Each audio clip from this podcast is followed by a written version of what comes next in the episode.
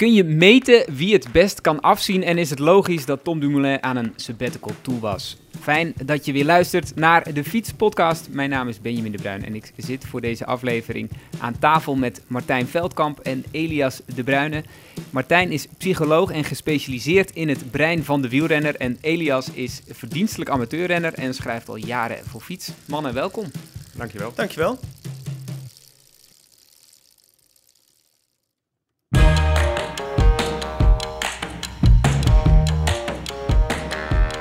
Waar ik dan in ieder geval even mee wil beginnen, want uh, afgelopen weekend we hebben we natuurlijk allemaal koers gekeken. We, we nemen dit op maandagochtend op. Um, en gisteren, zondag, hebben we in de Tirreno iets gezien. Wat natuurlijk, uh, nou, als je het over veelskracht hebt en over afzien. En of je afzien kunt meten. Je kon in ieder geval zondag heel goed zien dat iemand heel erg diep ging. Hulde aan Mathieu van der Poel. Een ode aan deze Nederlandse kampioen. Wauw. Na een indrukwekkend vertoon heeft hij deze etappe dan toch nog op zijn naam geschreven. Ja, hier is eh, Hitchcock jaloers op. How were you feeling in the last few kilometers? I don't even know. Uh, I was so uh, at my limit. I don't know. I just yeah, tried to get to the finish line, but I was completely empty. Uh, why did you start from so far out? Because I was cold. I wanted to make the race to uh, to get warmed up again, but then I was alone, and uh, at that moment I felt really good. But the last 20k were, were really hell uh, for me today. Hij viel aan omdat hij het koud had, zei hij. Oh, dat heb ik niet meegekregen. Echt waar, omdat hij het koud had? Okay. Ja, dat zei hij, ja. ja. Hij zei, ik, ik viel aan omdat ik het zo koud had. En in de laatste 20 kilometer kreeg hij het weer koud. En dat kreeg steeds meer vat op zijn lijf. En de laatste, uh, nou voor de mensen die het gezien hebben, die weten het natuurlijk. Maar de laatste paar kilometer uh, ging het steeds minder. Ja. Hij begon met drie, drie minuten voorsprong, geloof ik. Althans, de maximale voorsprong was drie minuten. En, en dat was aan het einde nog, nog tien seconden. Ik dacht niet dat hij het ging redden op het einde. Nee, ik dacht het ook niet, nee. Heb jij het gezien, Martijn? Ja, ik heb het wel gezien en ik dacht het ook niet. Ja, ik heb het terug zitten kijken. Um, want ik heb dan, ik heb op, op zolder heb ik een spinningbike staan en ik had uh, geen tijd om buiten te fietsen. Dus dacht ik, ga gewoon uh, de Tirreno kijken en dan uh, fiets ik zelf fiets ik mee. Ja. En, maar ik was aan het terugkijken en ik vond het echt zo ontzettend baan, spannend. Je baande je ook even met je van de poel. Ja, ja, ja. Nee, ik heb die laatste, het was geloof ik nog zes kilometer en waarvan drie kilometer ging het omhoog. Ik dacht, oh, dat redt hij niet. Dus ik heb toen een stukje vooruit gespoeld. Ik trok het echt niet meer. ik dacht, ja, dit, dat gaat hij niet redden, man. Maar uh, ja, dat is mooi. Die laatste kilometer, dat, dat vond ik het mooiste eigenlijk. Weet je, dat je ziet, hij zat er zo ontzettend doorheen. Het, zat, het was niet in de lijn van de verwachting dat hij het zou redden. Maar die laatste kilometer, hoe hij zichzelf zo volledig leeg weet te trekken. Dat vond ik mooi om te zien. Hoe, uh, hoe kijk je daar daarnaar? Ook, ook vanuit uh, psychologisch aspect? Ga je bedenken, wat, wat, zou iemand moeten doormaken of zo? Of, hoe moet ik dat zien? Ja, dat, dat vind ik bij, bij Van der Poel, is dat sowieso, vind ik dat, vind ik dat een hele mooie renner op het mentale stuk. Weet je, want je ziet, um, ja, weet je, bijna 60 kilometer van tevoren vertrekken. Dus niemand die dat doet. En Van der Poel wel. En ik lees dan ook al van die, van die wielersites, heb je meteen mensen die verwijzen naar doping. Um, oh ja? Ja, dat is echt meteen. Weet je, oh. ja, weet je, dat kan toch niet? Maar dat is het mooie als je mentaal sterk bent. Je ziet dat Van der Poel die is relatief vrij in zijn hoofd, denk ik. Um, dus die heeft niet de angst van, ja, maar straks ga ik dat niet redden. Uh, en dat, ja, dat, daar heb je een bepaalde uh, durf voor nodig. Hè? En hij heeft het eerder gedaan. Um, durf, maar ook een ontzettend uh, doorzettingsvermogen, een enorme wilskracht. Want alleen fietsen, ja, weet je, dat merk je, weet je zelf waarschijnlijk ook. Als je alleen fietst, is een stuk moeilijker dan in een groep natuurlijk. En waarom?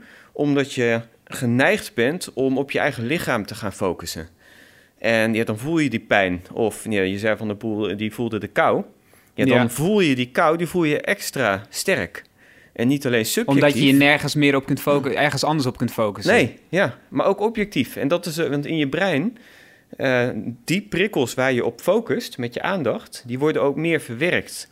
Dus als jij gaat letten op die kou, ja, dan voel je dus ook echt objectief, voel je al die prikkels je lichaam veel meer binnenkomen. Als je in een groep zit, ja, dan ben je ook bezig met, met de mensen om je heen. Je bent je een beetje aan het kijken, hoe zit jij erbij? Maar, maar eh, wat jij, eh, wat je zegt, een, een heel groot doorzettingsvermogen, een enorme wilskracht. Maar ik denk, dat zijn toch niet voor niets wielrenners. Die hebben dat toch allemaal?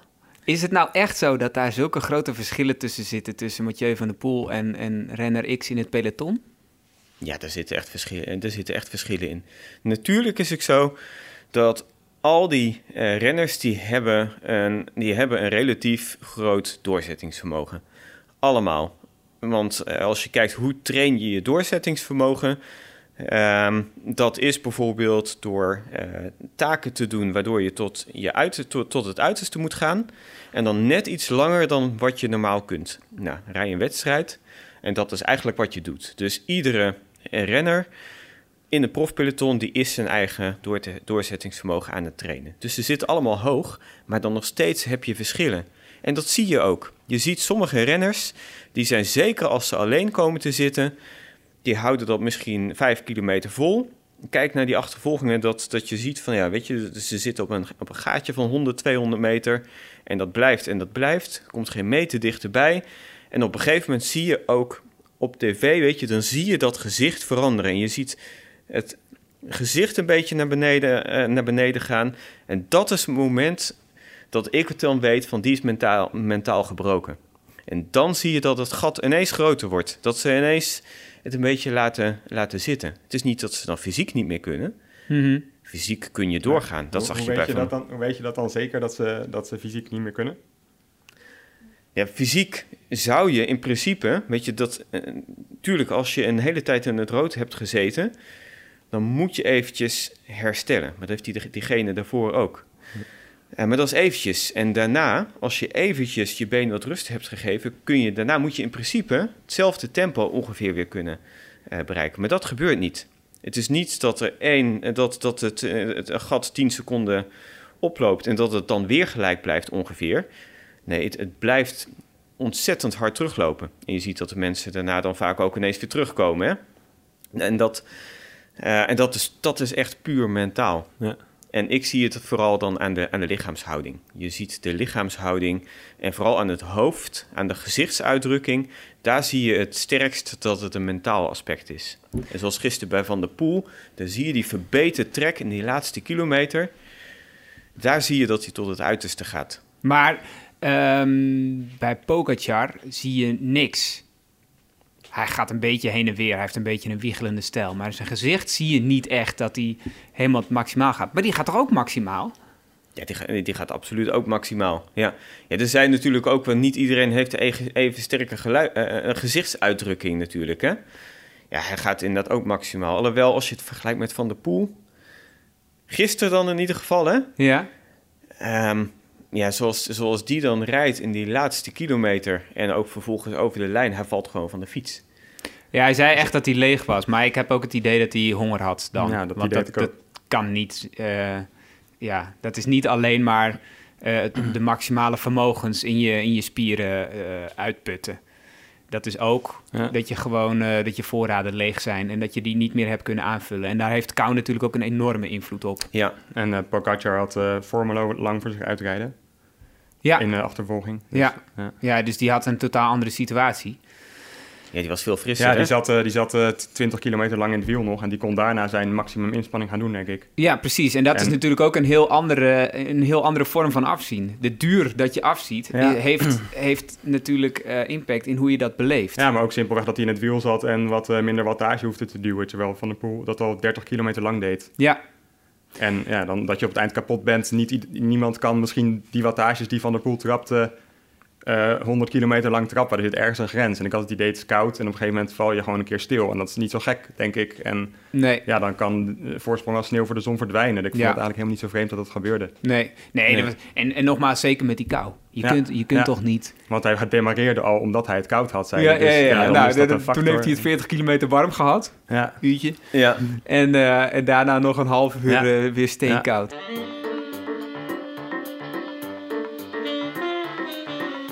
Ook een leuke brug naar het stuk wat jij vorig jaar eh, hebt geschreven eh, voor Fiets. Eh, het ligt hier voor ons op tafel en het heet De Pijn als Vriend. jij wilde uitzoeken of je dat afzien kunt meten. Ja, of dat- je nou dat- kunt meten wie het meest afziet. Ja, dat kan natuurlijk helemaal niet, want dat is hartstikke subjectief. Maar ik wilde dat toch meten inderdaad. Want ja. Ja, je hebt bijvoorbeeld Wilco Kelderman die lost terwijl hij nog stralend mooi op zijn fiets zit en je ziet er niks aan af. En ik, En, ik heb dan eh, altijd in de, in de, hoe heet het, in de, in de groepsapps. Volgens mij hebben we allemaal van die groepsapps met eh, vrienden die over koers praten. Ja, geen karakter die Kelderman, eh, zeggen ze dan. Altijd. Ja. Ja. En Mollema zit eh, schuddenbollen op zijn fiets en die hangt er dan nog aan. En dan zegt Michel Wuit, zegt van, nou, de karakterrenner Mollema. Ja. En ik vroeg me af, kun je dus eh, in het hoofd, kun je, kun je ergens meten dan of die Mollema daadwerkelijk harder afziet dan eh, Kelderman? Ehm, of eh, is dat gewoon eh, uiterlijke schijn? Want ik, als ik zelf op mijn fiets zit, dan beweeg ik ook nooit zoveel. Maar toch heb ik dan het idee dat ik wel volle bak afzie. Maar je ziet niet veel verschil met als ik niet volle bak afzie. Nee, Dus ik was benieuwd of je dat kon meten. Maar dat, eh, ja, dat was eigenlijk eh, bij voorbaat al duidelijk dat het niet kan. Want het gaat allemaal om... eh, ja, het is, het is perceptie ook voor een heel groot deel. Maar ja, toch ging ik eh, bellen met, wat- met wat mensen en eh ging maar je, jouw onderzoeksvraag was eigenlijk na drie zinnen al beantwoord. Dat kun je niet meten. Ja, ja. Maar het is natuurlijk toch heel interessant om er naar te kijken. Om, omdat we, nou misschien wel vooral omdat we eigenlijk eh, het idee hebben dat je het wel kunt meten. Of in ieder geval, als, we- Ja, ik- als je tv kijkt, dan hoor je de commentatoren inderdaad. Ja, en een ik dacht dus onderscheid maken. Ja, en ik dacht ook, je kan vast melkzuur meten of zo. Maar goed, het is natuurlijk ook niet gezegd dat als ik heel veel melkzuur aanmaak, dat het heel veel pijn doet per se bij mij.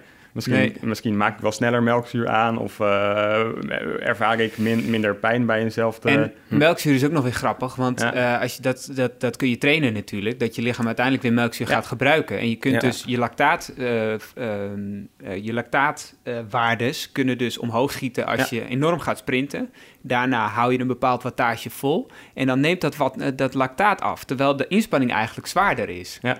Dus Ja. dat, is, dat is natuurlijk ook al moeilijk. En dan, Ja. dan begint het dus meer pijn te doen met minder lactaat. Ja. Maar dat is gewoon omdat je lichaam zo getraind is om Ja. een inspanning te leveren onder zware omstandigheden, dat hij dat kan gebruiken. Zelfs. Dat sluit ook wel aan bij wat uh, Mathieu Huiboer eh, zei. Dat is de performance manager van Jumbo.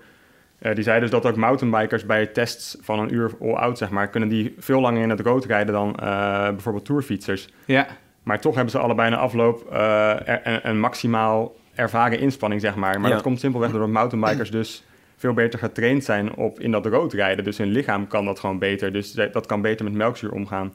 Terwijl een tourfietser die dat gaat doen, die, eh, ja, die valt bijna letterlijk van zijn fiets als Ja. die volle bak moet gaan. Maar Ja. dat betekent niet dat hij niet hard heeft afgezien. ja. Dus dat, eh, ja, dat vond ik heel interessant. Het ja, uiteindelijk heb je zelf gewoon een perceptie van of je heel hard hebt afgezien of niet. En dat kan dan ook nog verschuiven als je dan een keer in een koers zit of een toertocht waarbij je helemaal kapot gaat en je denkt ja want daar ah, heb je het ook ja. over inderdaad. Dat, dat, eh, want je hebt natuurlijk de- de- je schaal, je denkt Ja. het, het maximaal afzien, Ja. maar dat relateer je natuurlijk aan die ene keer dat je dat hebt gedaan. Dus, Ja, dus dat- je, je ergste inspanning was is je dus, 10. Dat was dus inderdaad eh, het antwoord op de vraag, kun je afzien meten? Dan eh, zei Mathieu Heijboer, maar ook eh sportpsycholoog die ik heb geïnterviewd, zei van... eh, ja, de enige tool is zeg maar de een borgschaal van 1 tot 10... waarop je de ervaren mate van inspanning weergeeft. Ja. Ja. En eh, nou ja, je kan een 10 geven, maar misschien eh, ga je dan een volgende keer een wedstrijd in... waarbij je nog harder afziet. En dan is eh, eigenlijk heb je dan een nieuwe 10 gecreëerd, zeg maar. Wat Ja. vroeger een 10 was, is dan nu een 9. Dus dan ontdek je zo tijdens die koers ontdek je hele nieuwe dimensies van pijn misschien wel. Want dan zie je een kop, of je zit in een kopgroep, vertelde Mathieu dan over zijn eigen carrière in het begin. En hij mocht daar gewoon niet uit lossen. En hij had in Hm. zijn oortje had die ploegleider eh, Han Vanel toeteren van... eh, ah, ze gaan weer, je moet mee, je moet mee. En dan ging hij maar weer mee, want het was gewoon geen optie om te lossen. En hij zei van, ja, mijn wilskracht was gewoon sterker dan de pijn. Hm. Nou, uiteindelijk werd hij twaalfde, geloof ik, of zo. Dat was in de Ardense Pijl, zware wedstrijd. En eh, toen zei hij dus van, ja, na afloop dacht ik gewoon van, ja, ik heb gewoon een nieuwe dimensie van afzien ontdekt. En mijn, mijn vroegere 10 was nu een 9 en dit was mijn nieuwe 10. Ja. Dus hij wist ook voor volgende wedstrijden gewoon, dat extra tankje zit er. Dat kan ik Dat, aanspreken. dat is er. Dat ja, maar is dat er. is het belangrijkste wat Ja. je dan leert, hè? Want ik ben er helemaal niet zo'n niet zo'n zo'n voorstander van dat meten als het gaat om die psychologische begrippen. Eh, ja, weet je, die cijfertjes, wat zegt dat? Eh, weet je, een wattage, dat is hartstikke mooi, weet je, dat kun je meten. Maar is dat gekoppeld aan afzien? Nee, dat is, dat is Nee. wat anders. En natuurlijk, je kunt het eh, vragen, maar die, die borgschaal, dat is ook gewoon dat je eigenlijk een... Het is eigenlijk gewoon een rapportcijfer, hè? Ja. En in welke mate heb je afgezien? En ik ben er echt niet zo'n voorstander van, want het risico is natuurlijk dat als jij denkt van ja, maar dit was mijn 10, als je datzelfde gevoel hebt en je gaat heel erg op die, op die cijfers zitten, dan denk je van ja, ik zit nu dus aan mijn max. Ja. Terwijl misschien je- je inderdaad je, wat- meer kunt. Alleen dat weet je nog niet. Ja, maar je bedoelt als je dat dan aan wattage hebt gekoppeld, bijvoorbeeld jouw 10. Dus dat je hem hebt gefixeerd. Ja, als je het aan wattage hebt gekoppeld, maar ook aan gevoel. Hè? Als je denkt van ja, maar dit is, Dit is- Oh, dit zo. is wat wat ik het kan. is. Ja, ja. Weet je, dan laat je je dus ook... eh, dan laat je je eigenlijk belemmeren doordat je te veel eh, vasthoudt aan die, aan die cijfers. Die cijfers op, op het mentale stuk, die zeggen echt niet Nee. zoveel. Ik vraag het wel eens aan sporters om het bij te houden. Ehm, en dan vraag ik, eh, ja, afzien vraag ik, en vraag ik eigenlijk sowieso heel weinig, moet ik zeggen. Ik zit, me- ik, als, ik vraag, als ik inzicht vraag over cijfers, dan is het meestal eh, bepaalde gevoelens die, ze, die een sporter heeft ervaren. Weet je, was je, ik, ik begeleid eh, regelmatig sporters die hebben bijvoorbeeld te maken met, met angst of met focusproblemen. Mhm. En dan vraag ik wel daar om cijfers aan te geven. En dan, ga ik, dan zeg ik na de wedstrijd, dan vraag ik ze om op de telefoon meteen even bij te houden. Eh, is er een moment geweest in de wedstrijd dat je echt volledig uit je, eh, uit je focus was? Hè, of dat je bang was? En wat was dat dan precies? Probeer er eens een cijfer aan te geven. Hoe erg was je afgeleid? Hoe, eh, hoe bang was je dan precies? En dan vraag ik ze ook achteraf thuis om eventjes op zo specifiek mogelijk op te schrijven van waar was het in de wedstrijd? Wat waren de omstandigheden? En dan is het nuttig, maar niet voor een Ja. sporter om inzicht te krijgen in hoe bang kan ik nou eigenlijk zijn. Nee. Maar puur patronen herkennen. Ja. Weet je, wat zijn de situaties waarin jij het moeilijk hebt? Nou, dan gaan we, daar gaan we vervolgens op focussen. Dat is de enige reden dat cijfers nuttig kunnen zijn als het gaat om een mentale aspect, wat mij Ja. betreft. Ja, verder, ik, ik, ik moet ook eerlijk zeggen, ik denk dat dit voor mij... eh, het werd altijd getriggerd dus door de, de, de, de framing van Mollema en Kelderman. Ik vond dan denk ik dat Kelderman onrecht in mijn ogen werd aangedaan van vaak geen karakterrenner.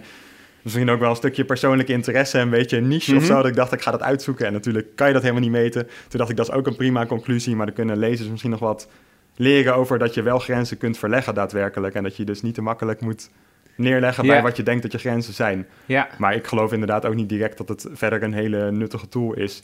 Net zo min als ik dat van wattages geloof. Want ik vond het wel leuk dat Nibali laatst zei... dat de wattagemeter bijna maar overboord kan... met wat eh, Van der Poel tegenwoordig in wedstrijden doet. Want die knalt er gewoon in. En je, jouw wattage, wat je kunt trappen, is ook niet elke dag gelijk. Nee. Dus als je uitgaat niet. van dit is mijn max en je rijdt daarop... Van Ja. der Poel vliegt erin en die rijdt alles aan gort. En als je dan gaat zitten kijken, oh, ik kan niet harder... maar dat geldt misschien...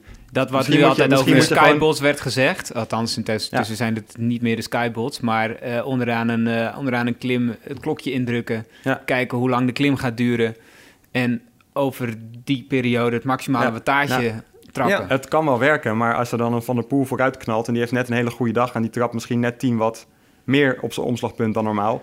Ja. dan kloppen je cijfertjes misschien Ja. helemaal niet. En misschien heb je zelf ook wel een superdag en kun je die dag wat... Dat bedoel ik een beetje, dat je misschien niet al te gefixeerd in Ja. wedstrijden moet zijn... en altijd de optie moet openhouden dat je misschien wel een supergoeie dag hebt... of je grens Nou, het is sowieso voor de romanticus natuurlijk heerlijk, die Van der Poel. En ook Van. Aert trouwens, en ook Alaphilippe. Dat zijn gewoon renners die koersen en die volgens mij minder op hun metertje kijken. Het is, dat is, het, het, het, het- eh, althans de afgelopen jaren kreeg ik misschien een beetje het idee dat de, dat de sport over, de profsport wordt overgenomen door data-nerds. Ja. Dus, dus hè, do- door eh, laboratoriumratten, zeg maar, die precies weten welke vermogens ze eh, kunnen trappen onder welke omstandigheden. Maar dit, dat wordt nu, nu totaal gedwarsboomd door eh, fenomenen. Ja, en dat is, dat, ik vind dat prachtig. Je. Ja, en, en ik weet niet of dat in hoeverre dat nou ook echt klopt. In hoeverre, er zit vast ook heel veel data-analyse achter bij een Van de Poel. Dat wil ik er wel bij zeggen. Ja, dat is natuurlijk je, in de, dat is wel de basis. Ja, dat, natuurlijk. dat Ja. zit maar er nog welke steeds ploegleider achter. zegt op 60 kilometer van de meet... Nou, Mathieu, Ja, doe maar jongen. begin er maar aan. Ja, want wieler Start niemand. wielertechnisch is het eigenlijk... Als je kijkt van hoeveel procent kans heb ik op de overwinning... was dit niet slim. Dan kun je beter zeggen van... eh, nou, blijf in het wiel van Pogacar zitten. Die gaat op een gegeven moment aanvallen.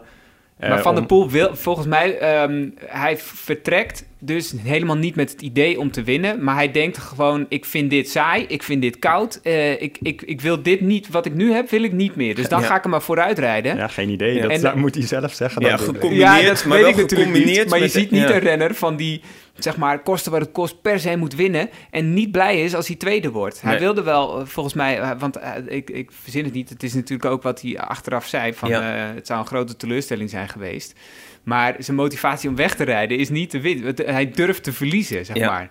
Ja, en dat is inderdaad mooi, hè? Maar het is wel een combinatie, want het is een combinatie van inderdaad, van, nou, het, het, het voelt goed om nu te gaan en ik vind het saai en ik heb het koud. Met, eh, met daarbij ook de ervaring dat hij dit kan. Want hij heeft het in het verleden ook gedaan. Ja, nou ja, En dit was wel een nieuw record, en denk hij ik, qua een- ja, eh, dit- ja, afstand. dat volgens mij wel. Nou, ik niet qua afstand. Bing Bang Nee? Tour kwam die denk Oh, ik... ja, eh, ook. Ja. Dat was, uh, reed hij ook nog eens een keer voor het klassement met eh, vier anderen achter hem aan. maar die, hij eh, zei, dus zijn Amy, zijn ervaren mate van inspanning, die was hoger. Ja, die- maar hij, hij vond dit Hij- zijn... Hij zei de zwaarste dag uit zijn leven volgens mij. Dus dat was dan eh, een 10 denk ik. Ja. Als ik dat naar een cijfertje zou moeten Dit vertalen. is zijn nieuwe tien. Ja. ja.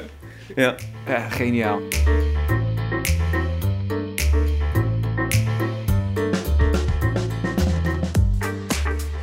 Ja, met die ervaring draag je met je mee natuurlijk. Hij is natuurlijk echt in topvorm. Dus hij weet dat hij het zou moeten kunnen. Je hebt, geen, je hebt natuurlijk een ontzettend groot risico, dat weet hij ook. En dat is het mooie aan Van de Poel.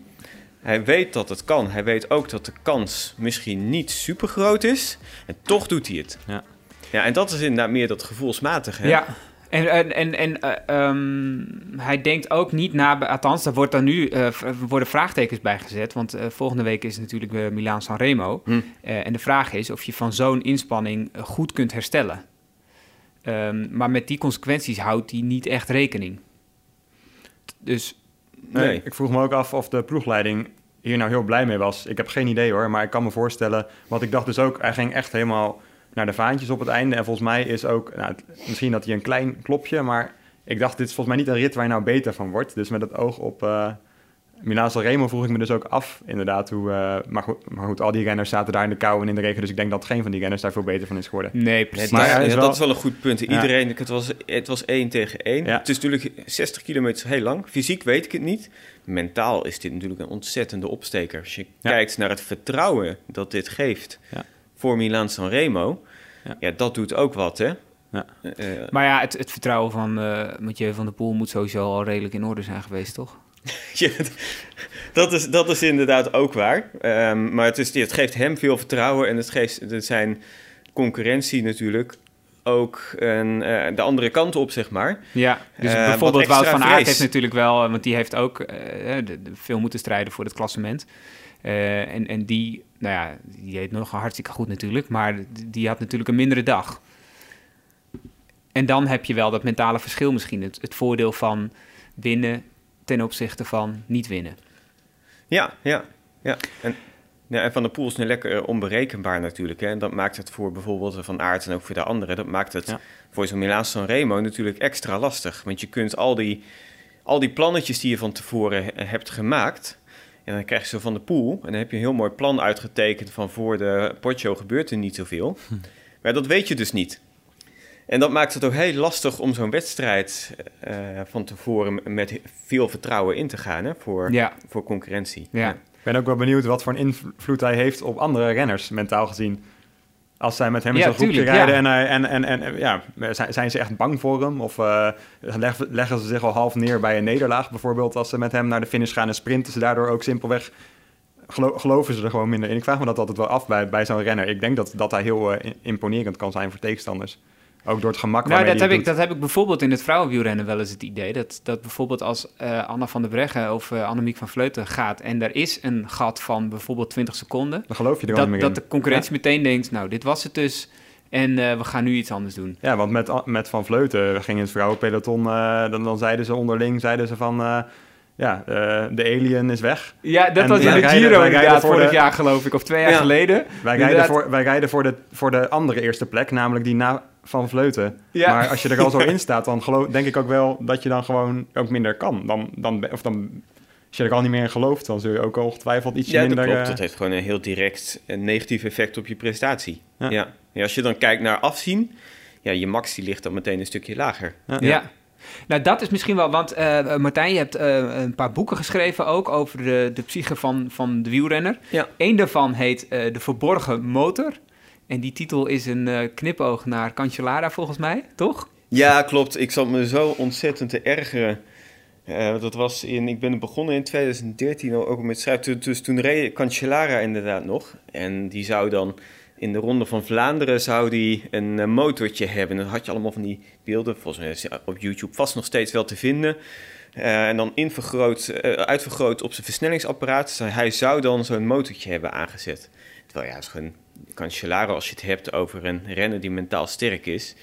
Ja, dat was Cancellara. Dus ik was me zo ontzettend aan het ergeren aan al die verhalen over motortjes en over doping. Ja, als je echt hebt over prestatieverbetering, ja, dan is een, dat is dat mentale stuk. En niemand, Mhm. niemand had het daarover. Nee. Dus ik dacht, ja, dan schrijf ik er zelf mijn boeken over. Is dat, Ja. is dat ook de reden dat je, daar, eh, dat je daarin bent gaan verdiepen? Ja, ja want ik, ik ben natuurlijk psycholoog, dus ik zat naar het wielrennen te kijken heel erg vanuit het psychologische perspectief. En ik verbaasde me daar echt over dat ook bij het commentaar ging het dan niet zo over doping, maar dan ging het nog steeds heel erg over training, over voeding. En het mentale stuk, ja, daar, werd dan, ja, er zit een kop op of er zit geen kop op. En dat was het dan wel een beetje. Terwijl, ja, Ja. er zit een kop op. Ja, wat Ja. is dat dan? Weet je, dat, is- dat is niks. Dan kom je eigenlijk weer uit bij dat commentaar. Dat inderdaad, eh, dat Bauke Mollema is, is de werker en eh, Wilco Kelderman is de, Ja. is, is de verwende jongen. Wordt hij eigenlijk altijd een beetje Ja, neergezet. ja, maar hè? Ik De herken wel jongen heel met talent. wat eh, Martijn zegt. En dat is denk ik ook wel de reden. Ik vind het ook leuk om artikelen te schrijven over eh, onderwerpen die hier aan raken. Maar ik denk ook wel doordat ik het met jou eens ben... of op een gegeven moment hetzelfde idee had als jij... van ja, dat is wel iets wat onderschat wordt of zo. En ook bij mezelf wel merkte... ik rijd dan op mijn bescheiden niveauwedstrijdjes... Ja, Maar dat ook wel merkte gewoon dat daar echt... Daar, als ik geen focus had of er zelf niet in geloofde... dan reek ik ook vaak gewoon slecht. Of dan zat ik helemaal achter in het peloton. Ik heb wel eens letterlijk gehad dat ik op een gegeven moment dacht van... ja, wat ben ik hier nou aan het doen? Een ronde van Rijzenhout. Eh, toen dacht ik, wat een onzin. Waarom rijd ik helemaal naar Rijzenhout om hier achter in het peloton eh, in je de dat regen... soort dingen gaat afvragen. Ja, maar toen ben ik dus naar voren gereden. En toen reed ik eigenlijk een, een hele prima wedstrijd. Dus toen, toen was het zo duidelijk dat het hoofd zo belangrijk is... Ja. Dat ik daar gewoon de klik maakte en vervolgens eh, een hele mooie wedstrijd reed eigenlijk. En als ik in die negatieve spiraal was blijven hangen, had ik gewoon net achterin gezeten. En dan had ik het nog zwaarder gehad ook, want achterin het peloton moet je altijd harder optrekken en is het zwaarder. En Ja. zie je iedereen voor je rijden en Ja. demotiveren. Ja, als, Ja. je met zo'n, als je die gedachte hebt, je hebt in de sportpsychologie dat zijn de aandachtscirkels van Eberspecher. En dat is echt, je moet eigenlijk, als je voor topprestaties, moet je echt puur op het moment zelf met je taak bezig zijn, hè, van dat moment. En dat zijn dan zes aandachtscirkels. En het buitenste, dat is de vraag van, wat doe ik hier eigenlijk? Ja, Nou, nou, weet je, en dat is eigenlijk, als je dan die wedstrijd uit had kunnen rijden met die mindset, ja, weet je, respect. Weet je, dat op zich uitrijden, dat wordt dan al lastig, hè? Als je denkt van, wat doe ik hier in godsnaam? Ja, Ja. dus het is mooi Ja. dat je zelf die knop ook hebt kunnen Ja. omzetten en dat hebt, en dat hebt ervaren. nou, dat heb ik gaandeweg dus geleerd. En ja, net wat jij zegt, die taken zijn heel belangrijk. Want ik bedacht toen, nou, ik ga gewoon nu eerst maar eens naar voren in het peloton. Dan moet je opschuiven, eh, een bochtje onderlangs, bla bla bla bla bla. En ja, dus, toen zat ik daar. En toen was eigenlijk, dan ging ik een keer aanvallen, ging ik nog een keer aanvallen. Toen was ik weg. Dat was hartstikke, ja. hartstikke... En dan is alles ook bonus natuurlijk. Ja, je denkt, maar dat was heel confronterend ook. Dat het dus zo belangrijk was wat er in mijn hoofd gebeurde. Ja. dit, dit bedacht je ook nog tijdens dat je aan het aanvallen was. Nou, ja, nee, dat is niet waar. Nee, net vooral na afloop. Want toen ging ik dus veel meer, denk ik, in de taken. En toen ging ik ook heel hard afzien. En als je afziet, dan denk je vaak niet meer zo. Als je, als je echt vol Ja. bak zit af te zien, dan eh, wordt het altijd een soort van breien in mijn Ja, hoofd. dat Dus is dan, dan weer het, zo, eh, dat, dat effect dat je eigenlijk niet meer na kunt denken. Als je, als Ja. je maar diep genoeg gaat, dan, Ja. eh, dan verdwijnt het. En ja, dan, dan eh, kijk je naar het wiel voor je en naar de bocht waar je doorheen moet. En de lijn Ja. die je moet rijden. En eh, naar je, dat je dat tellertje op dat eh Ja, dan zit je in die hyperfocus, hè? Ja. ja. Ja. Ehm, d- wat, wat, ja, bijvoorbeeld ook dat, dat effect dat als je met z'n tweeën fietst en eh, die andere legt jou het tempo op. Het bekende halfwielen.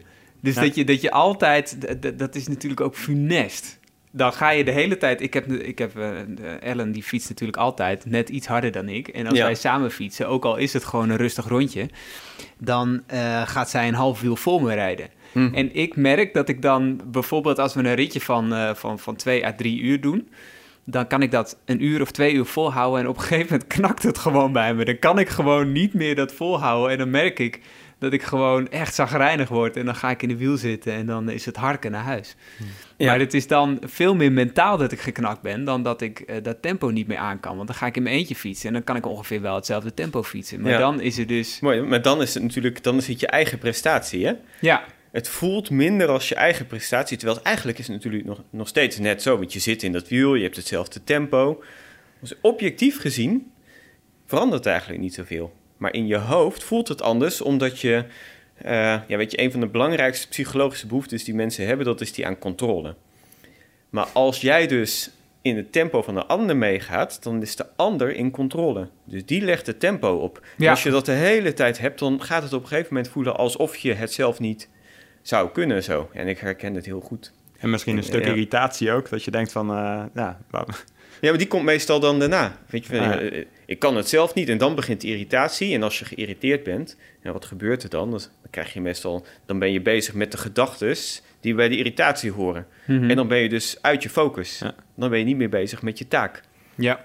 Ja, en, nou, en zo kom je dan in een neerwaartse spiraal terecht. Ja. We gaan even naar Leon van Bon. Eh, Leon die test natuurlijk iedere maand voor fiets een fiets. En dit keer is dat de racer van Merida. De Reacto 9000i voor 11.000 euro en 7,35 kilo- kilogram schoon aan de haak. Kijken wat hij kan. Leon van Bon. Van Bon, Van Bon. Leon van Bon. Waar is die fiets? Ja, Leon. Hey, met Benjamin. Hoi. Ben je er klaar voor? Ik ben er helemaal klaar voor, denk Je ik. hebt je stiekem mentaal nog even voorbereid. Ja, ja, ja, ja. We hebben het namelijk in de podcast over eh, mentale gezondheid tijdens corona. Maar ook eh, bijvoorbeeld eh, met, met een psycholoog. En of je zoiets als afzien kunt meten. Hoe erg iemand afziet. En ik was eigenlijk wel benieuwd of daar in jouw tijd als wielrenner al veel aandacht voor was. Ja, die was er zeker al wel. Was wel opkomend. Ehm, ik zelf was wel bezig met eh, mentale aspect tijdens de koers, zeg maar. Nou, ik had een, eh, ik had een boekje bij mij. En dat ging over, ehm, eh, volgens mij ging het over neurolinguistisch programmeren. En dat las ik af en toe door. En dan had ik altijd weer goede moraal. En dan wist ik weer hoe ik, dat, hoe ik mijn gedachten weer de goede kant op moest zetten als ik te zenuwachtig was. Of Ja. dat soort, dat soort dingen. En ja, eigenlijk kwam het, eh, kwam het op een gegeven moment was ik eh, op een berg aan het rijden. En eh, ik kon net, net aan volgen. Waren denk ik nog met man of 40, 50 over. En ik zat net aan, eh, aan het wiel te hangen en ik kon het goed volhouden. Nou, en ik rijd de bocht om en er wordt niet versneld of er wordt, gebeurt eigenlijk niks. Het enige wat gebeurt is dat ik de top kan zien. Op dat moment leek dat zo ver weg dat ik gelijk gelost werd. En toen reed ik verder die klim omhoog en dacht van ja, dat is dus 100% mentaal dat je daar gelost wordt. Want als ik die top niet had gezien, had ik het zeker nog eh, een heel eind volgehouden en misschien wel tot boven. Dus toen dacht ik van ja, daar moet je eigenlijk wat aan doen. En dat, eh, het- zo is het eigenlijk begonnen.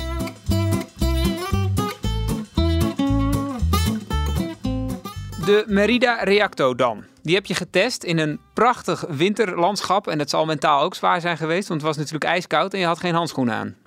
Ja, die opmerking die, eh, kreeg ik al eh, toen ik de foto's inleverde. Maar ja, het moet er natuurlijk ook nog een beetje, een beetje goed uitzien.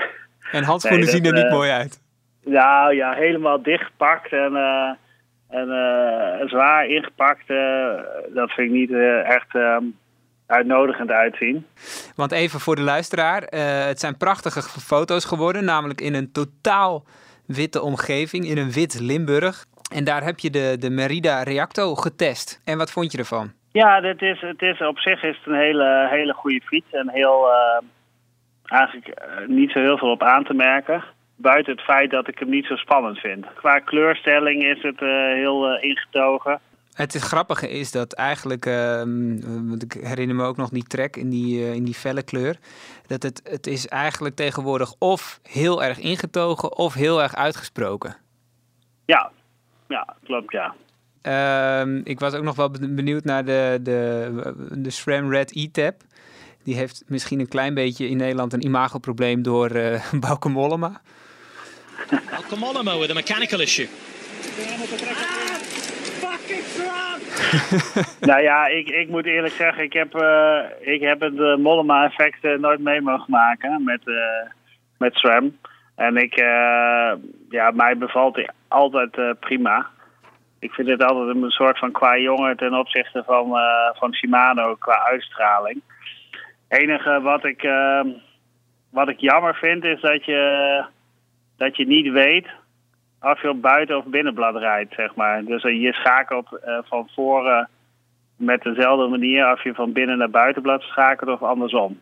Ja, Dus, dus, het bij komt de... heel, heel af en toe komt het voor dat je denkt van ik schakel hem naar het binnenblad en dan schakel je hem naar het buitenblad. En dat is niet zo'n eh, prettige Oh ja, idee. tuurlijk. Ja. Maar goed, de mensen die goed in vorm zijn, die hebben daar natuurlijk geen last van. Nee, precies. precies. Maar dat is een. eh, ik, ja, ik, ik wissel natuurlijk heel veel van, eh, van fiets. En ik, eh, eh, ja, soms is het zelfs te kort om eh, echt aan het schakelsysteem te wennen. Dus ik denk dat dat eh, op een gegeven moment eh, natuurlijk verdwijnt. Fiets je eigenlijk ooit nog wel op een eigen fiets?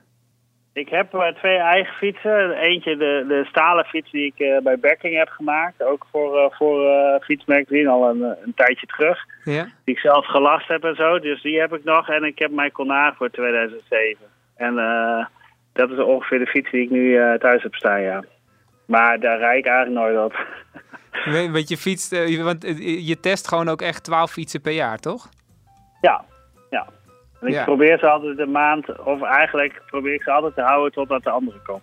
En volgende week? Volgende maand, sorry. De Scott Addict. eh, de fiets eigenlijk waar eh, Team DSM op rijdt.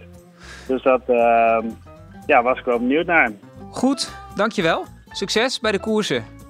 Dankjewel. Top. Komt goed. Oké. Dank je. Doei. Hoi hoi. Wat, wat je zei over die hyperfocus vind ik ook nog wel een interessant onderwerpje. Wat is hyperfocus? Hyperfocus, nee, ja, als je het zelf er- ervaart, dat is eigenlijk een soort tunnelvisie. Je kunt eigenlijk niks anders meer zien dan één heel specifiek eh, eh, aspectje in je omgeving. Dus dat kan inderdaad, vaak bij het wielrennen is dat bijvoorbeeld een, eh, het achterwiel van degene voor je. Of misschien zelfs, ik heb dat zelf ook wel eens, dat je zelfs een, eh, een bepaald schroefje heb ik zelfs wel eens van degene voor me, weet je. Dus, maar dat is dan zo specifiek. De reclame op de, op de bil van, de, van, van degene Ja. voor je heb ik altijd. Ja. Dat ik dat de hele tijd af ga spelen in mijn hoofd. Oh, Dat slaat ja. ik nergens op. Maar. Ja, dus dan ben je zo ontzettend eh, gefocust. En dat heeft deels ook te maken dat je zo diep gaat. eh, dat je brein niet goed in staat meer is om, om een bredere aandacht te hebben. Eh, en dat, maar dat hou je ook niet heel lang vol. En dat heb je misschien zelf Is ook daar onderzoek naar gedaan? Hoe, hoe lang dat kan? Of hoe lang dat... Ehm, ja, maar dan wordt, dat is wel gedaan, maar dan kijk je natuurlijk naar eh, groepen. Dus dat is gemiddeld, hè? Ja. Dus dan gemiddeld genomen over, eh, eh, zeg zo'n eh, 200 renners of zo. Maar dan is het iets van 20 minuten of zo. Dan heb je het wel gehad. Ehm, en dan Kan dat bij er- 20 minuten? Ja, dat kan niet heel lang. Nee, je hebt natuurlijk mensen kort, die het langer Ja. kunnen. Ja, maar dat- dat is inderdaad niet Ik heb zo heel soms lang. het idee dat ik het wel drie uur doe. Maar dan zit je drie uur lang kapot. Nou, eh, ik, heb, eh, ik heb ook een, eh, in een grijs verleden, tien jaar geleden ongeveer, aan lange afstandsfietsen gedaan. En dan merkte ik dat er, dat er heel interessante dingen met je gebeuren. Want dan, ja, dan lijkt het alsof je veel langer in zo'n hyperfocus zit. En dan, dan stijg je steeds weer op uit jezelf. En dan, ga je, dan zie je jezelf fietsen op de een of andere manier. En dan zit je weer heel erg in jezelf. En dan ben je weer gefocust op, eh, op iets wat voor je gebeurt. Ehm, dus dan lijkt het wel alsof je dat veel langer volhoudt. Maar ja, dan Ja, heb je het echt is, over dat wat je nu beschrijft, is ook geen hyperfocus. Hè? De hyperfocus is dat je echt op, op één ding blijft focussen. Eh, dus het kan, wel, het kan wel zijn dat je bijvoorbeeld in een flow zit. En binnen die flow-ervaring dat je steeds wisselt in je focus. Maar dus dat is nog een onderscheid. Een hyperfocus is iets anders dan een flow. Ja, want flow, dat is het gevoel dat het eigenlijk min of meer vanzelf gaat. En ehm, dat je in een bepaald ritme zit wat je voor je gevoel nog een hele tijd zou kunnen volhouden. Maar daarbinnen kun je hebben, want wat je eh, beschrijft, dat je soort van al- als vanaf een camera jezelf ziet fietsen en vervolgens weer eh focust op bijvoorbeeld de wielen, een stukje van de wielenbroek van degene voor je. Ja. Dat is dus een andere focus. Ja. Want je gaat van de focus van een camera-perspectief, ga je naar, eh, het is eigenlijk redelijk breed, ga je naar eh, smal, Ja. naar iets in je omgeving. Eh, dus dat, dat is een andere focus. Als je het hebt over eh, die 20 minuten, dat is bijvoorbeeld, ik ga 20 minuten lang focussen op het achterwiel van degene voor me. Of ik ga 20 minuten lang focussen alleen maar op mijn beenritme.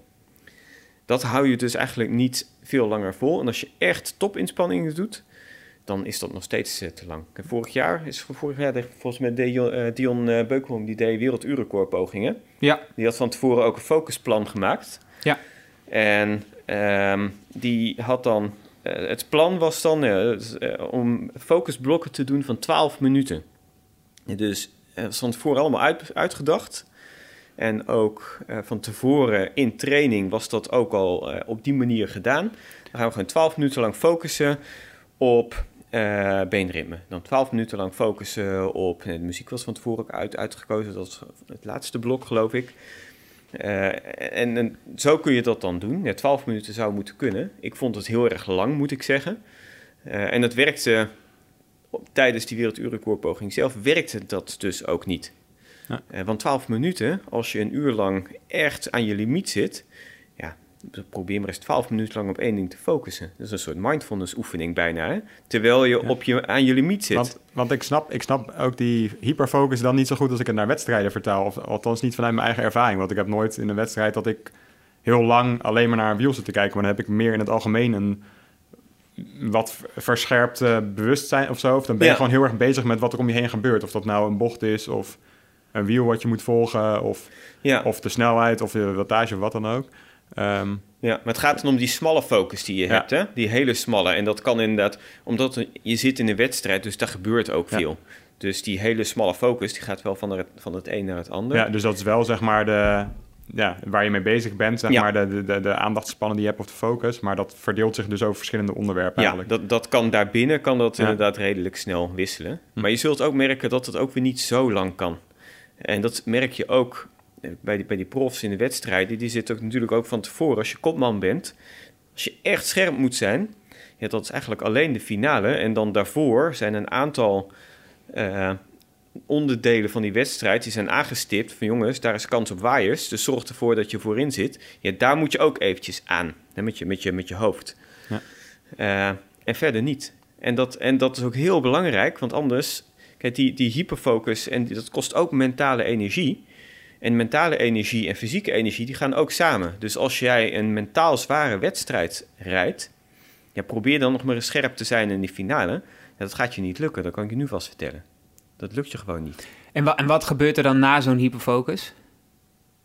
Als je over de meet komt, bedoel je? Nou, het kan, die Nou, hyperfocus kan ook kan ook, tijdens, hè? ja, die, die Ja. kan ook Ja. eh, vijf kilometer van tevoren afgelopen zijn. Dan heb je ook een probleem Ja, natuurlijk. dan heb je ook een probleem. Ja, ja, Zo om je heen kijkt en dan shit. ik moet nog vijf kilometer. ja. ja, dan ben je dus niet scherp genoeg meer. En dat zie je soms Nee, ook. maar dat is, je, dat en- is dan, dat, hè, dat, eh, dat kan een beetje het effect van knakken zijn. Toch? Of niet? Ehm, kan, maar dat hoeft, ja, dat hoeft niet per se. Kijk, focus, eh, dat, is één, dat is één aspect van, eh, van, het, van, het, van de hele psychologie van het wielrennen. Focus, dat is niet het enige aspect. Dus het wil niet zeggen dat als jij je focus er niet meer bij je hebt, dat je meteen mentaal gebroken bent. Het kan ook zijn dat je voor de rest, dat je, dat je eh, qua wilskracht en qua doelgerichtheid ehm, en qua strategisch inzicht, dat je nog steeds goed bent. Maar het wordt er wel lastiger natuurlijk door. Tuurlijk, het wordt want, lastiger. Want je hebt even niet meer, eh, je moet weer even een nieuwe manier vinden om eh, af te zien, om het makkelijk te zeggen. Je moet even, je, je zat in die hyperfocus.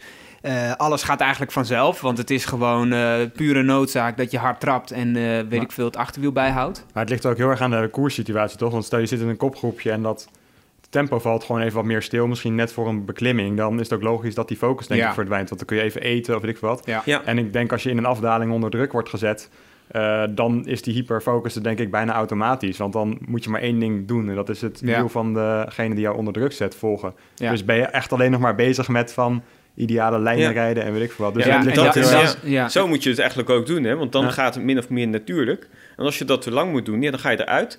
En dan, dan verlies je inderdaad je focus. En dat betekent dat je even moet herstellen. Dat je mentaal uitzoomt. En dan moet je een beetje geluk hebben dat niet precies op dat moment er een belangrijk moment in de wedstrijd is.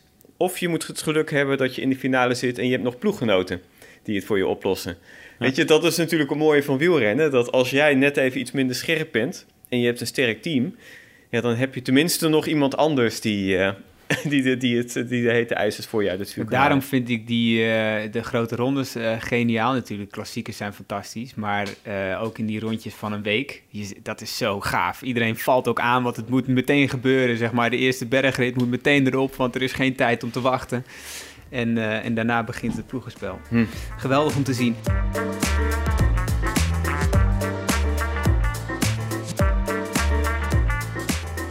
Eh, Martijn, je had het ook in je boek over eh, twijfels. Dat vond ik heel interessant.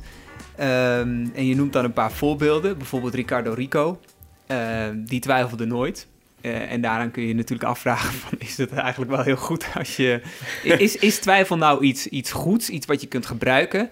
Of is het, werkt het eigenlijk het best als je gewoon vol zelfvertrouwen bent eh, en, en alle twijfels overboord gooit? Ja, er zijn verschillende dingen over te zeggen. Ik vind het een heel interessant onderwerp zelf ook, vandaar dat ik er ook over schreef.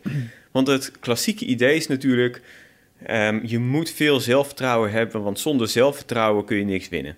Dat is eigenlijk het ja. standaard idee wat altijd ja. wordt geroepen. Be ja, en, beetje apenrots ook. Ja, ja.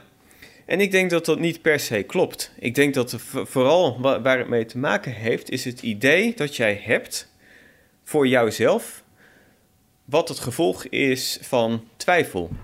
Als jij bij jezelf merkt, ik ga twijfelen, en je hebt dat heel erg verbonden aan, dus het gaat me niet lukken, dan is het niet de twijfel zelf waardoor je slechter gaat presteren. Want die twijfel, ja, die, die is niet zo gekoppeld aan prestatie.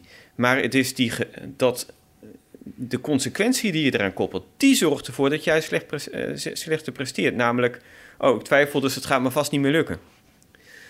Dus je? als je, je kunt twijfel voor jezelf bijvoorbeeld ook uitleggen als iets goeds. Um, ik twijfel, want ik wil alles verkennen of ik er wel alles aan gedaan heb. Ik noem maar ja. iets. En, en uh, uiteindelijk, uh, na die twijfel, kom je dan tot de conclusie... ik heb overal aan gedacht. Maar ja, dan ruil je die twijfel toch ook alweer wat, een beetje Wat voor in een soort twijfel hebben we het dan over? Uh, twijfel of je, of je wel goed genoeg kunt presteren, of twijfel of je misschien andere dingen, moet, dingen anders moet aanpakken. Dus in wat bredere zin. Misschien dat je anders moet gaan trainen. Of... Ja, nou, dat is, uh, dat is een goede vraag inderdaad. Je hebt natuurlijk verschillende soorten twijfel. Je kunt twijfelen over je eigen vermogens, of twijfelen over je voorbereiding bijvoorbeeld. Ja. ja, en bij de voorbereiding, ja, als je aan het begin van een wedstrijd twijfelt over je voorbereiding, dat is lastig, want dat doet vaak wel wat inderdaad ook in die wedstrijd met het zelfvertrouwen. Um, kijk, twijfel is het minste erg en zelfs goed, denk ik juist, als je gewoon aan het trainen bent. Want die twijfel zorgt er ook voor dat je scherp wordt op jezelf. Ben ik eigenlijk wel met goede dingen bezig? Ja. Kan ik mezelf nog ergens verbeteren? Als jij, terwijl je aan het trainen bent, uh, veel vertrouwen hebt in jezelf, uh, ja, dan mis je misschien ook wel wat. En dan moet je nog het geluk hebben, weet je, en dat profs hebben dat, maar ja, uh, wij als, uh, ik ben zelf to tourfietser, ik heb, niet, ik heb niet iemand die tegen me zegt van... hé hey jongen, misschien moet je toch eens wat anders gaan proberen. Dan moet, je, dan moet je aan jezelf gaan twijfelen als je iets wil veranderen. Ja. Dus dan is die twijfel heel erg goed om scherp te blijven op jezelf.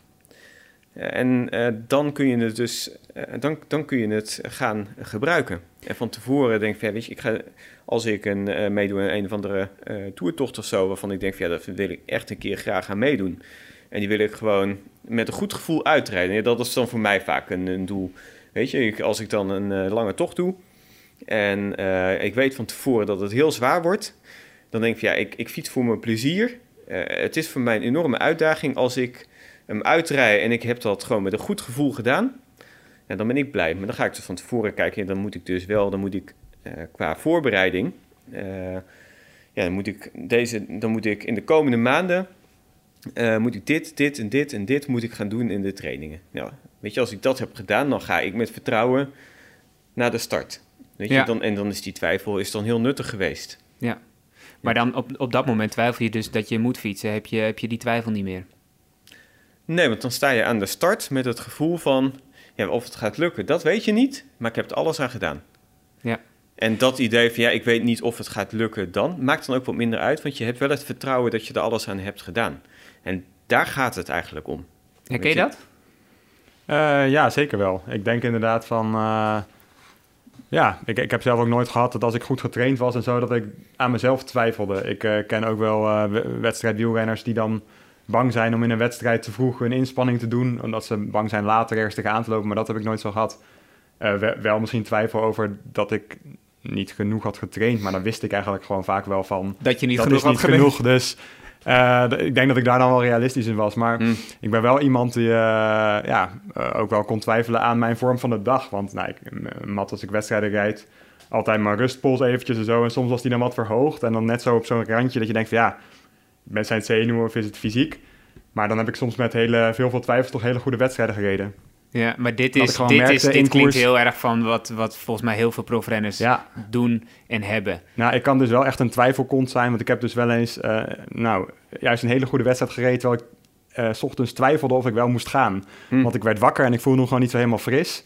En ehm, ja, maar dat, op een gegeven moment heb ik gewoon geleerd van ja, soms dan is dat zo. Een, een, een goede vorm is soms ook een raar randje van eh, je net wel of niet helemaal fit voelen of zo. Dat klinkt misschien gek, maar soms als je juist goed in vorm bent, Ja. dan kan je ook wel eens een beetje moe voelen of niet helemaal uitgerust of zo. Mhm. En toen, eh, nou, toen ging ik toch maar naar die wedstrijd. Het, eh, En dan was, ben je eh, bezig en dan... en toen, eh, toen, ja, ik ging er op de fiets heen, 30 kilometer. En toen kwam ik in die wedstrijd. En toen Mhm. draaide eigenlijk mijn benen heel lekker. En toen dan, Ja. dan neemt eigenlijk je fysiek, die fietst helemaal die twijfel weg. Want ik dacht, oh, dat gaat gewoon Ja. hartstikke goed.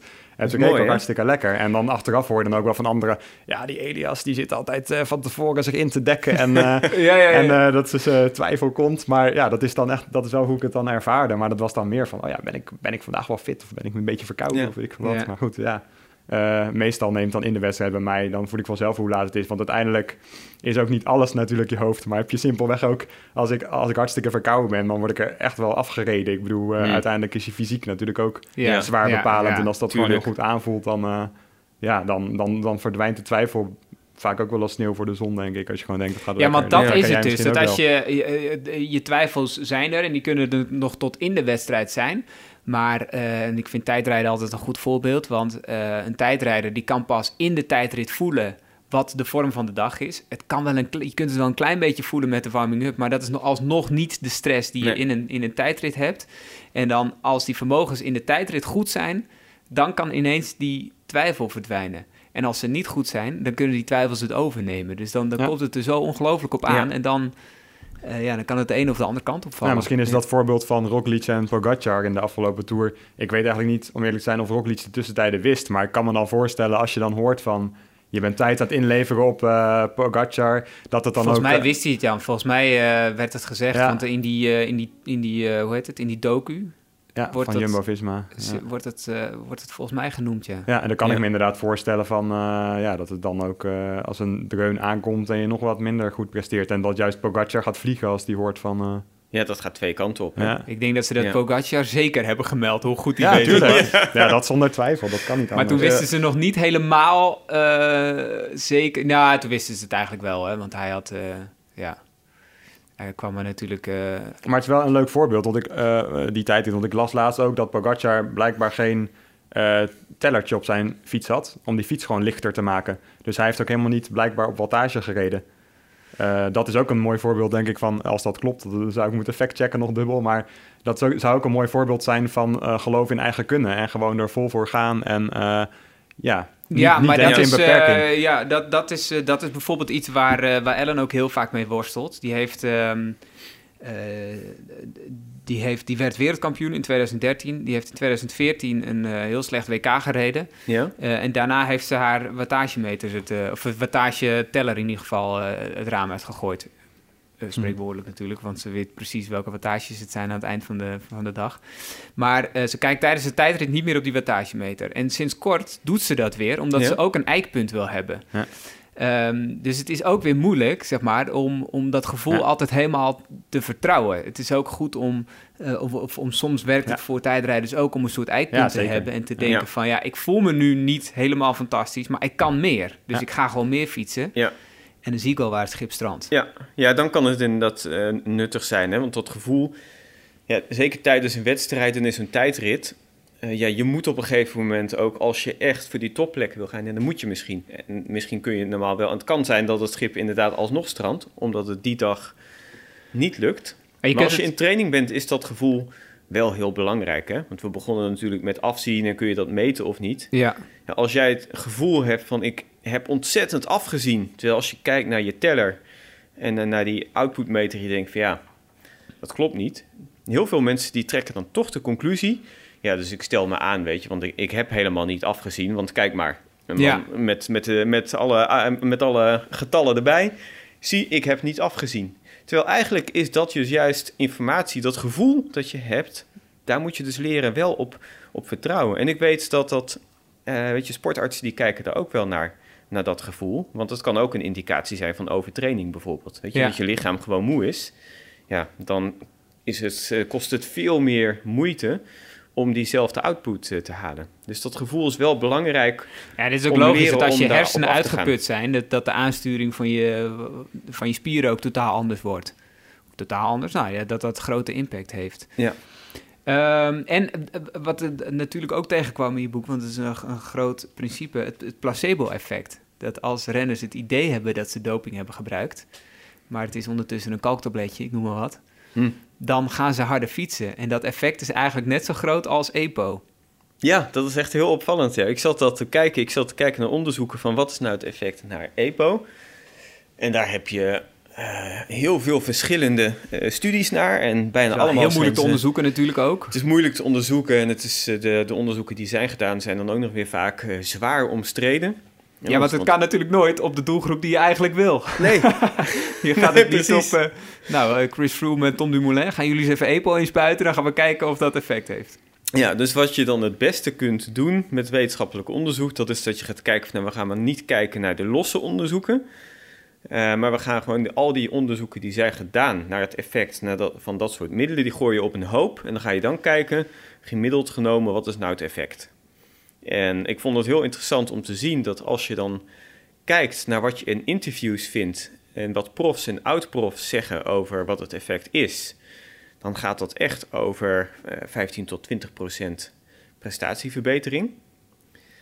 Ehm, en als je kijkt naar wetenschap... 15 tot 20? Ja, ja dat, zijn echt regelmatig kwam ik dat eh, tegen in interviews dat mensen eh, zeggen van ja, dan, dan, ga je, dan ga je echt 15, eh, nee, dat wisselt een beetje degene wie het zegt, hè, maar Ja. ga je 15 procent eh, sneller door of Ja. eh 20 procent beter door eh, presteren. Ehm, terwijl wetenschappelijke onderzoekers gemiddeld genomen kom je op ongeveer nou, 1, 2 procent kom je uit. En dan zijn er studies gedaan inderdaad met placebo-effecten. Dus dan geef je mensen ehm, gewoon een pilletje en je zegt dat het doping is. En dan ga je dan kijken naar wat is nou het effect op eh, prestatie. En dan zie je ook dat het effect ook weer gemiddeld genomen over verschillende onderzoeken heen. eh, dat mensen 1 tot 2 procent eh, sneller. Maar werkt, is het ook zo dat het eigenlijk dus dubbel opwerkt als je doping hebt gebruikt? Want en de doping werkt en het idee dat je doping hebt gebruikt werkt, toch? Ja, dat zou inderdaad, dat zou je dus wel voorspellen inderdaad. Dus ja. het is, ja, het is, het is ja.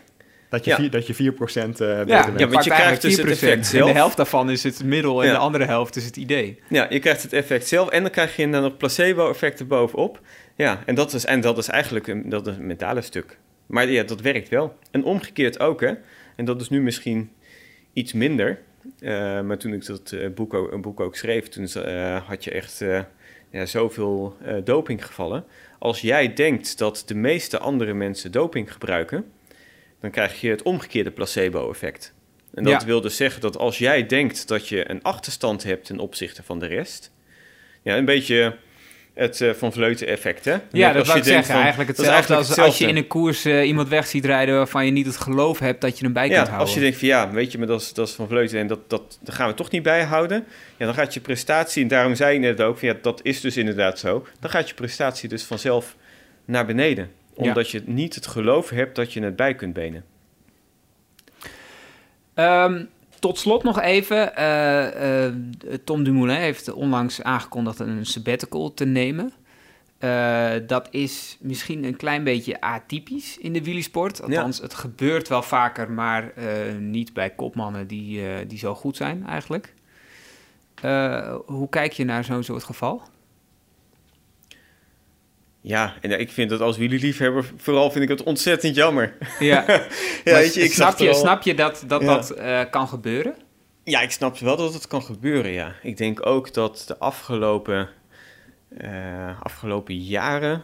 dat er van, eh, van, dat er van profrenners steeds meer wordt gevraagd. En dat begon een beetje voor mijn gevoel al wat langer geleden. Want je zag, en dat is ook iemand die is toen op een gegeven moment volgens mij... in eerste instantie tijdelijk gestopt. Dat was Wiggins toen. Die, eh, Is die gestopt?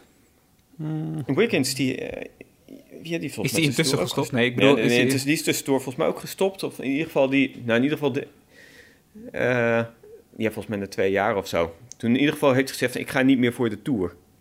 Want ik vind, hij vond dat mentaal te belastend. Ja. En eh, hij zat toen in die voorloper van eh, Sky. En hij is toen naar Sky, eh, daar, is hij toen in, in verder gegaan. Hè. Zijn tour gewonnen. En hij vond het mentaal te belastend, omdat hij eigenlijk het hele jaar door 24 uur per dag met de sport bezig moest zijn. En dat is ook typisch iets waar Sky mee is begonnen. We gaan alle aspecten van de sport en van het leven van mensen gaan we onder de loep nemen. Dat de marginal gains noemden ze dat, hè. En je ziet dat die soort van wetenschappelijke benadering, die komt overal bij ook andere ploegen doen dat natuurlijk. Dat is heus niet dat, dat Sky dat alleen doet.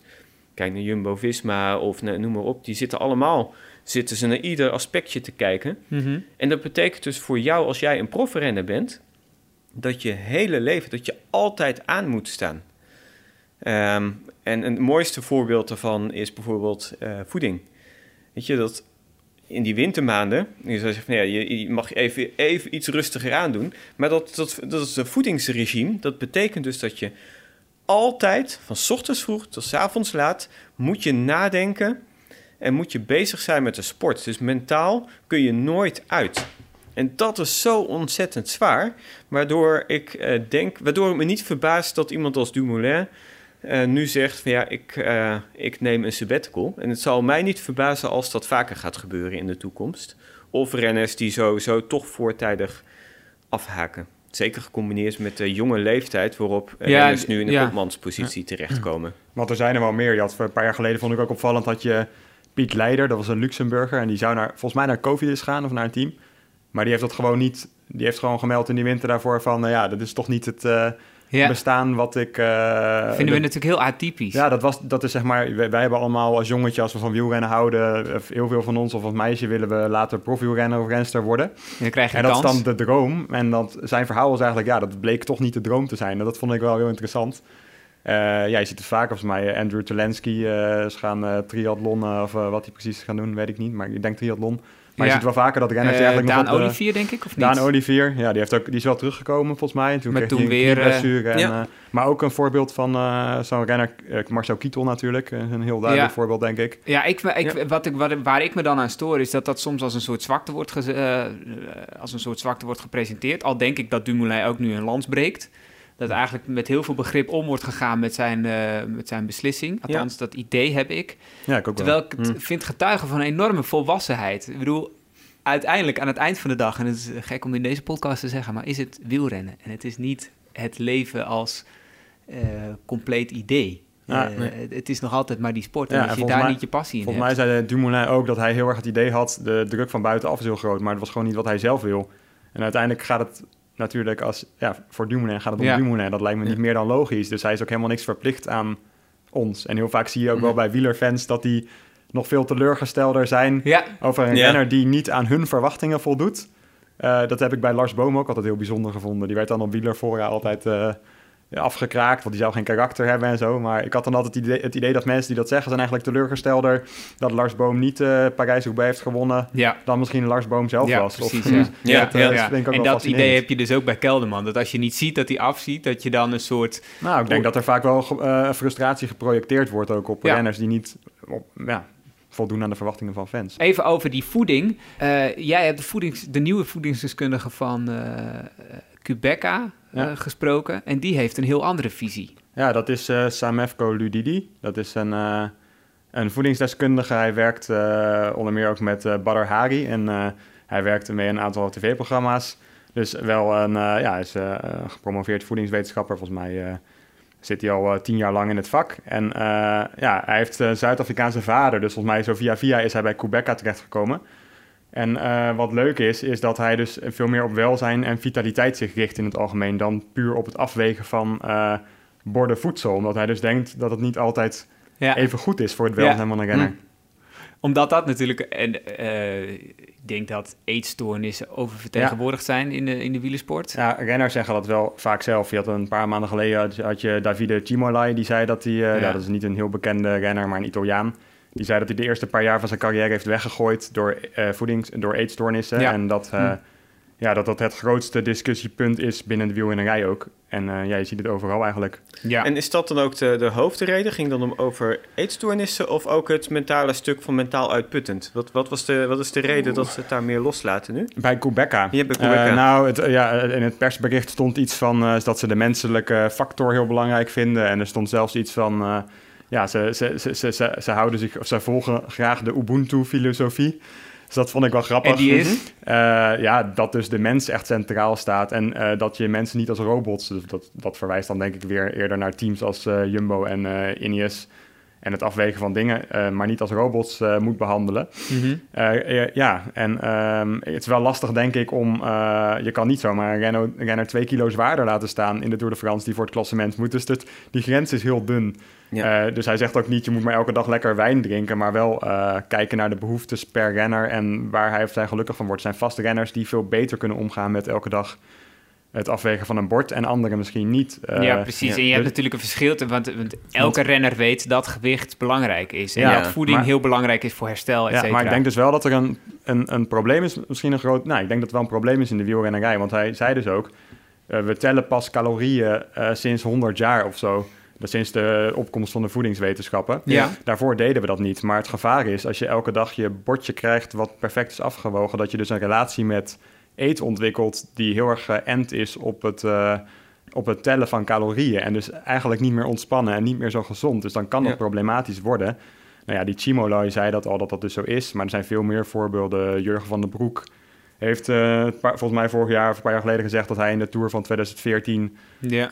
eh, nog 64 kilo woog bij volgens mij 1,85 meter. 85, Zo. en dat zijn hormoonproductie daarna ook stopte. En dat zijn lichaam er eigenlijk nooit van is bekomen. Je hebt eh Rowan Dennis gehad. Marianne Vos heeft wel eens verteld dat ze... eh, maar ik weet ook gewoon mm, dingen die niet in de media zijn gekomen... dat bij- het bij- veel breder ja, is. Ja, Ja. precies, ja. Het is echt een... En Ja. niet alleen bij vrouwen, maar ook bij mannen. Omdat het gewoon zo essentieel Ja. is dat die renners licht zijn. Eh Ja. Wout van Aert kwam twee kilo tussen haakjes te zwaar. Dat waren dan spieren uit de veldritwinter nu. Oh ja. En dan staat er een interview, eh, wat op zich helemaal goed is hoor. Want ik denk dat het voor hem nu werkt. Maar die coach van hem, Marcel eh Lamberts is dat denk ik. Maar die zei van, ja, de komende weken geen eh, extra schepje kwark voor Wout. Ja, dat is op zich wel grappig. Maar het, ik denk, het zou prima kunnen werken voor Wout van Aert. Maar het geeft wel aan op welk eh, dunne lijntje die Ja. renners moeten balanceren. ja, en precies wat jij, dat, net, ja. wat jij net zei, Martijn, over dat je dus ook nooit dat kan loslaten. Zelfs niet in de winter. Terwijl eten ook iets sociaals is bijvoorbeeld. Ik denk dat dat voor sommige renners wel heel erg stresserend kan zijn. En zeker dat de hele tijd erop focussen. En, eh, Ja. Ja. waar, waar Maarten Cialinghi het dus in zijn algemeenheid ook over hebt, is dat je nooit niet wielrenner bent. Als Nee. je zeker niet als je kopman bent, dan ben je het Nee. dus altijd. En als je dat zo extreem gaat doen met voeding, dan ben je dus ook, Ja. eh, je telt altijd je calorieën. Ja. Je bedenkt je altijd wat erin zit. Ja. Ja. Eh, Ja. En als ik eh, vraag bij thuis of ik nog een eitje in de salade moet doen, en dan zegt eh, Ellen niet van, eh, nee, dat is lekker. Maar die zegt van, nee, er zitten al genoeg eiwitten in. Ja, ja. ja. het, is dus ja. helemaal, het is dus helemaal niet meer gericht op inderdaad of het lekker is of het, of het, of het fijn is om te Ja. nemen, maar het is of, of de voedingswaarde goed is. Ja, ja, en je kunt je afvragen hoe gezond dat is. Hè? Dus als Ja. je hebt over eetstoornissen, ja, weet je, om eten als niet, eigenlijk nauwelijks meer als eten te zien, maar puur als brandstof Ja, precies. en, en, en Dan, middel dan, dan verpest je dus eigenlijk die relatie die je hebt met eten, of dat gevoel dat je erbij hebt. Ja, en dat En is dan, een stukje dat- dat is- eetstoornissen. Dan kun je echt doorschieten. Ja, en, en, en eh, Samefko Ludidi, die voedingscoach, is dus... eh, ja, hij is dan nu volgens mij eh, voedingsdeskundige of hij, hij stuurt dat daar aan. Mhm. Maar zijn rol is dus ook wat breder. Dus hij is vooral bezig met eh, vitaliteit en welzijn. Dus hij wil er ook gewoon op letten. Dus dat Hm, dat niet ja. Eh, de overhand neemt. En eh, nou, de, de, de dingen die hij gaat doen zijn nog niet revolutionair. Maar ik denk dat het bewustzijn al heel goed is. Hij, kon, hij werkte er pas sinds kort. Dus hij kon nog niet zeggen van we gaan dit nu zo en zo doen. Het is niet revolutionair anders. Maar dat dat zo wordt gepresenteerd in een persbericht. En eh, dat ze er wel mee aan de slag zijn, is denk ik heel goed. Ja, enorm interessant Maar ik inderdaad. moet wel zeggen dat ik ook wel geloof dat bij Jumbo-Visma zitten ook gewoon hele goede voedingsdeskundigen. Die denk ik ook wel. En die hebben ook een supergoed team. Dus ik wil niet zeggen dat, Ja. eh, dat ze bij Ineos of... Nee, nou, ze hebben in de Jumbo, podcast dat ze daar niet- ook. dat ze die hebben- ze een heel interessant verhaal. En het is natuurlijk Ja. ook... eh, eh, ze hebben daar ook wel aandacht voor de menselijke maat. Precies, dat, Ja. ik, wil, ik wil niet zeggen dat ze die daar niet als mensen... en dat ze daar niet vragen als het niet goed gaat... of als ze merken dat iemand slecht slaapt... dat ze daar dus dan niet gaan vragen van... ja, hoe komt dat? Of is er iets, Nee, is er iets aan de hand? Dus Maar ik denk dat Nee. de hele wielersport aan zich is eh, gewoon een risicogebied voor het ontwikkelen van een eetstoornis. Ja, en dat, dat- is oververtegenwoordigd, want het is Ja. gewoon die hele sport die ervoor zorgt dat je extra onder druk komt. Op dat ja, maar dat, zei Sam, dat is leuk dat Samefko Ludi, die dus net nieuw is in de wielrennerij. En hij zei wel gelijk, ja, wat mij opvalt is dus dat heel veel renners gewoon Ja. een ongezonde eh, verhouding met eten hebben. Wat hen al vanaf, de, vanaf jongs af is ingegoten eigenlijk eh, met de paplepel, ja. Ja, je hoeft nog geen prof te zijn om Nee. dat mee te krijgen. Nee, Dat ook renners die daarvoor. de, die de marmot, of ja, misschien als junior of als ook amateurs die eh, goed in de marmot willen fietsen. Of, eh, ja. Dat eh, interview of dat stuk met hem staat in de komende fiets, denk ik. ja, dat klopt. Ja. Fiets nummer 4, komt binnenkort uit. Mannen, dit was hem. Bedankt ja, graag dat gedaan. jullie te gast wilden zijn. Graag gedaan. Dit was nummer 17 van de Fiets Podcast. Bedankt natuurlijk voor het luisteren. Iedereen die heeft geluisterd. Eh, maar anders zou je dit niet horen. Dus eh, we zijn er nu natuurlijk over een maandje weer. Ehm, en vergeet ons niet te reviewen als je ons leuk vindt op bijvoorbeeld iTunes. En tot de volgende.